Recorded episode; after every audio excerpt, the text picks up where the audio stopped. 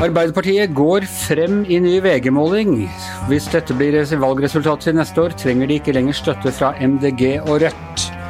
Og hvis du måtte velge korona eller skam, vi tar den vanskelige debatten her i Giæver og gjengen. Det er torsdag den 13. august.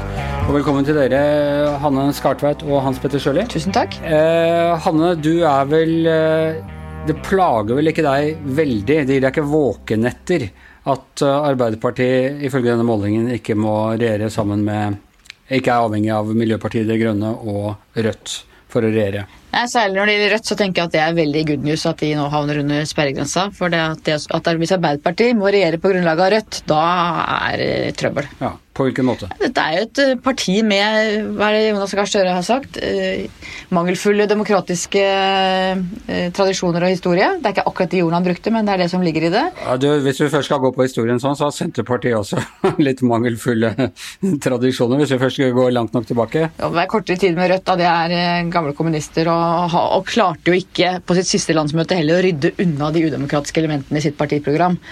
Eh, og så er det et parti som er uansvarlig på mange vis, økonomisk og andre ting. sånn at det er eh, Jeg tror det beste for landet er hvis man ikke må ha de på det laget. Men hvis vi holder det litt utenfor, da. Det er en evig diskusjon, og skal dere komme trekkende med Stalin og sånn igjen? Og, og, veldig mange av de som nå er eh, sentrale i Rødt, var ikke engang født på den tiden hvor, eh, hvor de eh, marsja rundt i gatene her med bilder av Stalin og, og Mao. Hvis du holder det til side, hva er det ved politikken som gjør at de um, ikke bør uh, med en regjering? Jeg mener at Det er hovedsaken. Det er klart så har de jo budsjetter som aldri går i hop. og de altså, Politikken deres er urealistisk på de aller fleste områder. Men du kan ikke holde historien utenfor heller. Særlig ikke all den tid de unge som du refererer til her, har prøvd å rense opp i partiprogrammet til Rødt og prøvd å få lukt ut hva skal vi si, de mindre demokratiske og Eh, mer eh, historiske elementene i det partiprogrammet uten å ha lykkes. Og da fortsatt er det et kommunistisk parti som ikke fullt ut er demokratisk.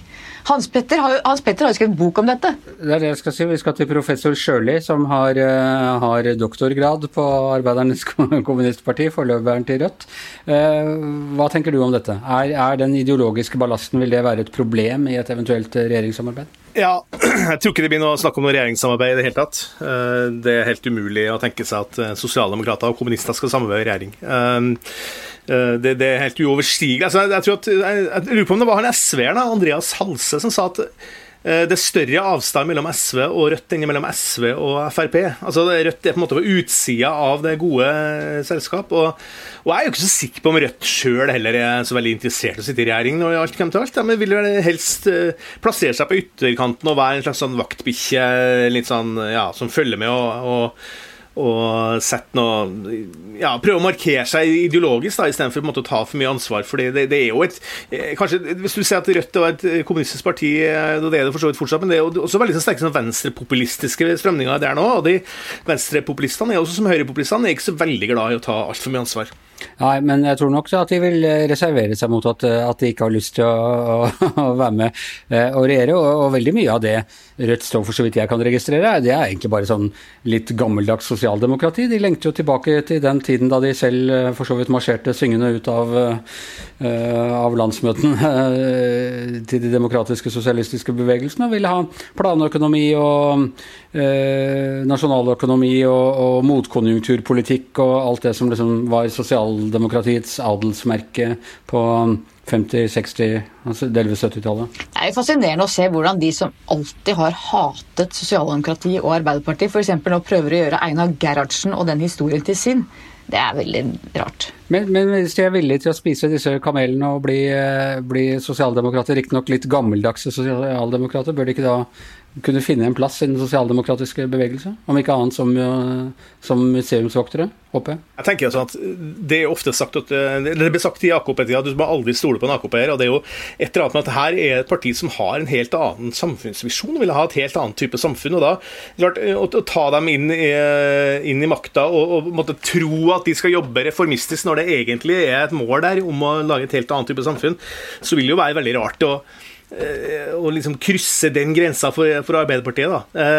Jeg har, det er helt utenkelig med et regjeringssamarbeid mellom Rødt og Ap. så Egentlig så burde vi nesten ikke diskutere det engang. Det det er snakk om her, eventuelt er om Rødt skal være noe støtteparti for en Ap-regjering. Det kan jo være. Og det kan de jo fungere fint, for så vidt.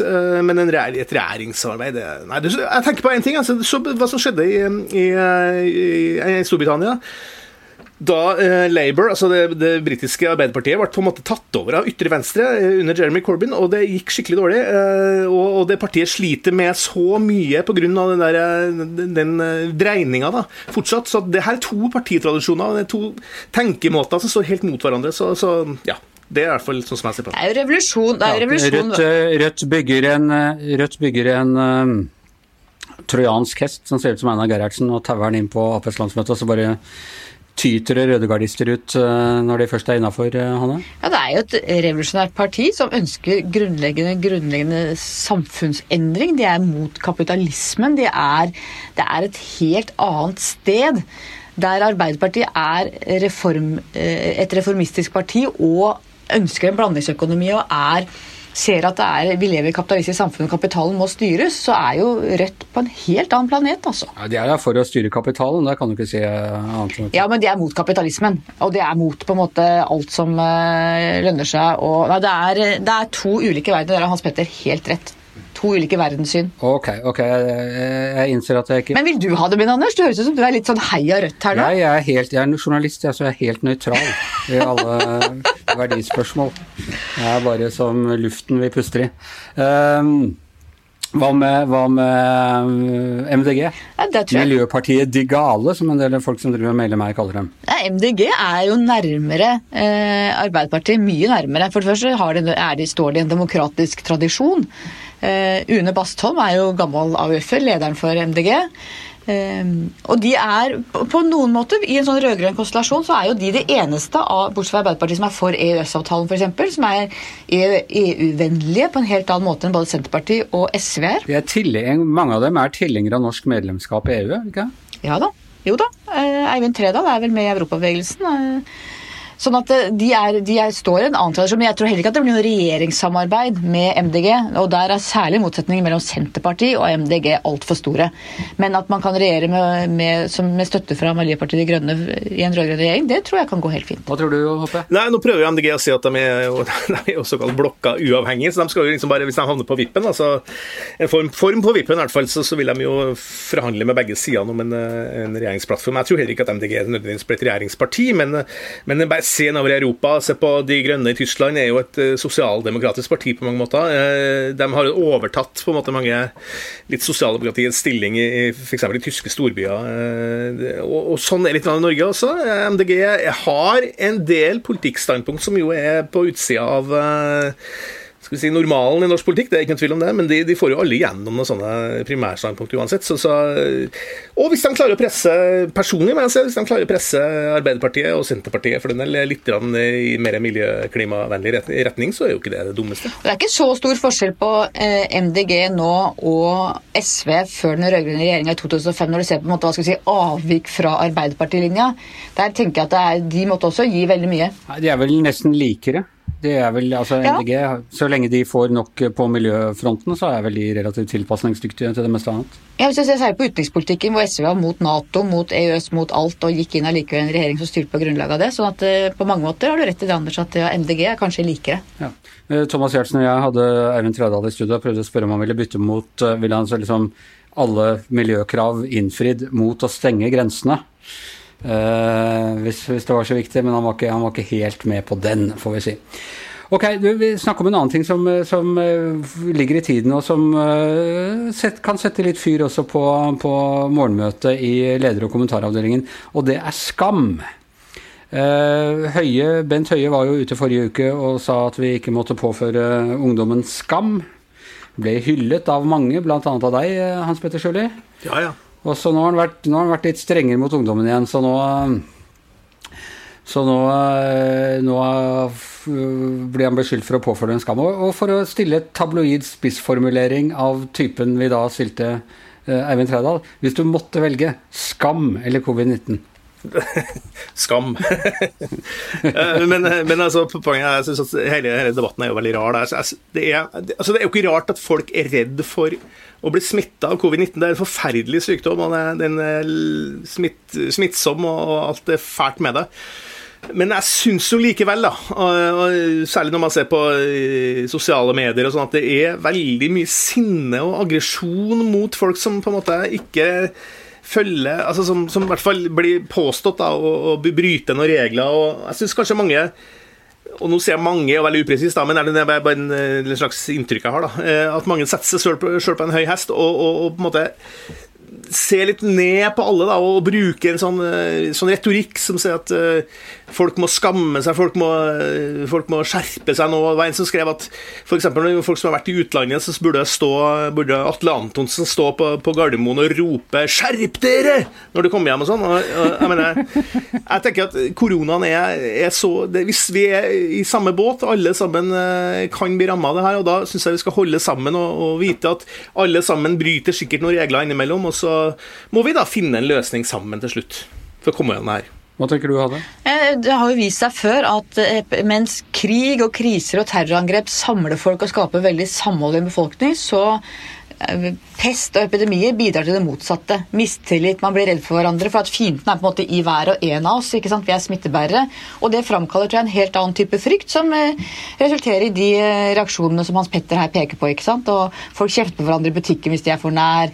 De kjefter veldig på andre og blir, fordi man er redd. Jeg tror det er liksom den frykten for smitten som gjør at man blir ganske irrasjonell og, og kan bli ganske fordømmende uten å vite bakgrunnen for at andre mennesker handler som de gjør. Men er det ikke litt sånn, altså Nå har vi prøvd først med den høyre-greia, frihet under ansvar. og vi, vi vil ikke forby dere å gjøre sånn og sånn, men vi anbefaler dere ikke å gjøre det osv. Og, så og så drar folk til utlandet og kjører full party i parken og, eh, og, i det hele tatt. Og da må vi bli litt mer Da må vi gå fra høyre til litt mer sånn brutalt sosialdemokratisk eh, Ok, hvis dere ikke er gamle nok til å ta ansvar, da får vi bare stramme inn litt her. Det er her Rødt må komme inn og være diktatoriske. Det er her Rødt må bare komme inn og bare bestemme alt over alle. Men jeg sa, sa det, jeg sa det vel på, jeg på morgenmøtet, Anders, at jeg, min svogerforskning i sosiale medier tyder på at venstresidefolk er mer fordømmende, altså mer moralistisk anlagt enn uh, andre. Og det Jeg syns Altså hvis vi, nå, vi, må leve med Arve Gjelseth, sosiolog ved NTNU, skriver en kronikk i VG nå. Altså, vi må leve med det viruset helt til det kommer en løsning, en vaksine eller en flokkimmunitet eller hva som helst,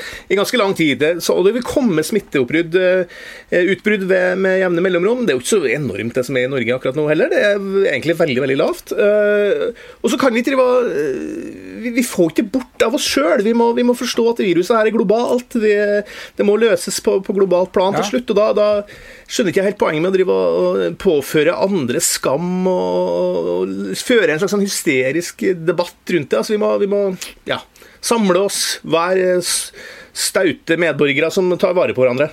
Så det er klart at, Se på ungdom, f.eks. Disse fadderukene. ikke sant?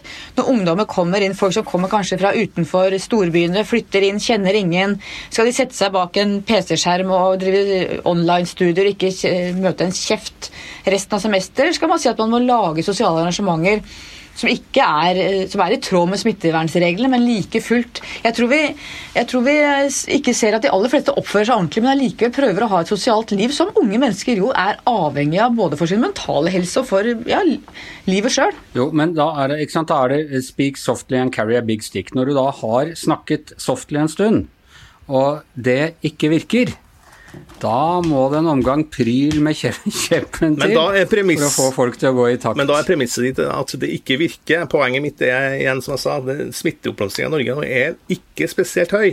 Og vi i mediene må også være litt forsiktige med å jazze opp det her så, så voldsomt.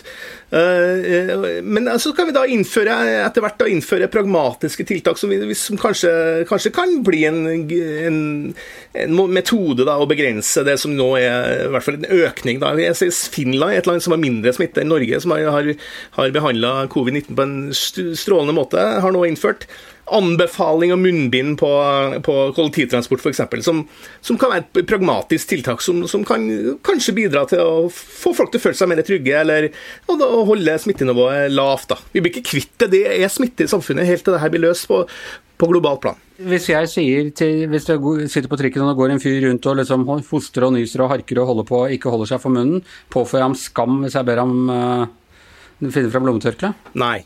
Bare hvis du sier 'skam deg'. ja. ja. Jeg syns ikke folk skal si 'skam deg' til folk. Jeg synes det, en, det sier jeg aldri til barna mine. 'Skam deg' og sånne ting. Det syns jeg er sånn primitivt. Uh, så jeg leste en psykolog som sa at å påføre andre skam er bare negativt. Men uh, å si fra til folk som, som oppfører seg dårlig, det, det er jo ikke noe, det er jo ikke noe gærent med det. Altså, hvis, uh, så jeg syns egentlig Eh, sammenligninga med at hvis noen drar til Sverige og kjøper, litt, eh, kjøper seg eh, snus eller hva som helst, at det er det samme som at det sitter en fyr på trikken og hoster og harker. Det er jo, det er jo to helt fullstendig forskjellige situasjoner. Vi må jo satse på at folk overholder de vanlige, normale smittevernreglene, og det, ja, det er eneste håpet vi har. Men hvis han har med seg hjem litt mer enn snus, så er det jo et problem. ja, Hanne?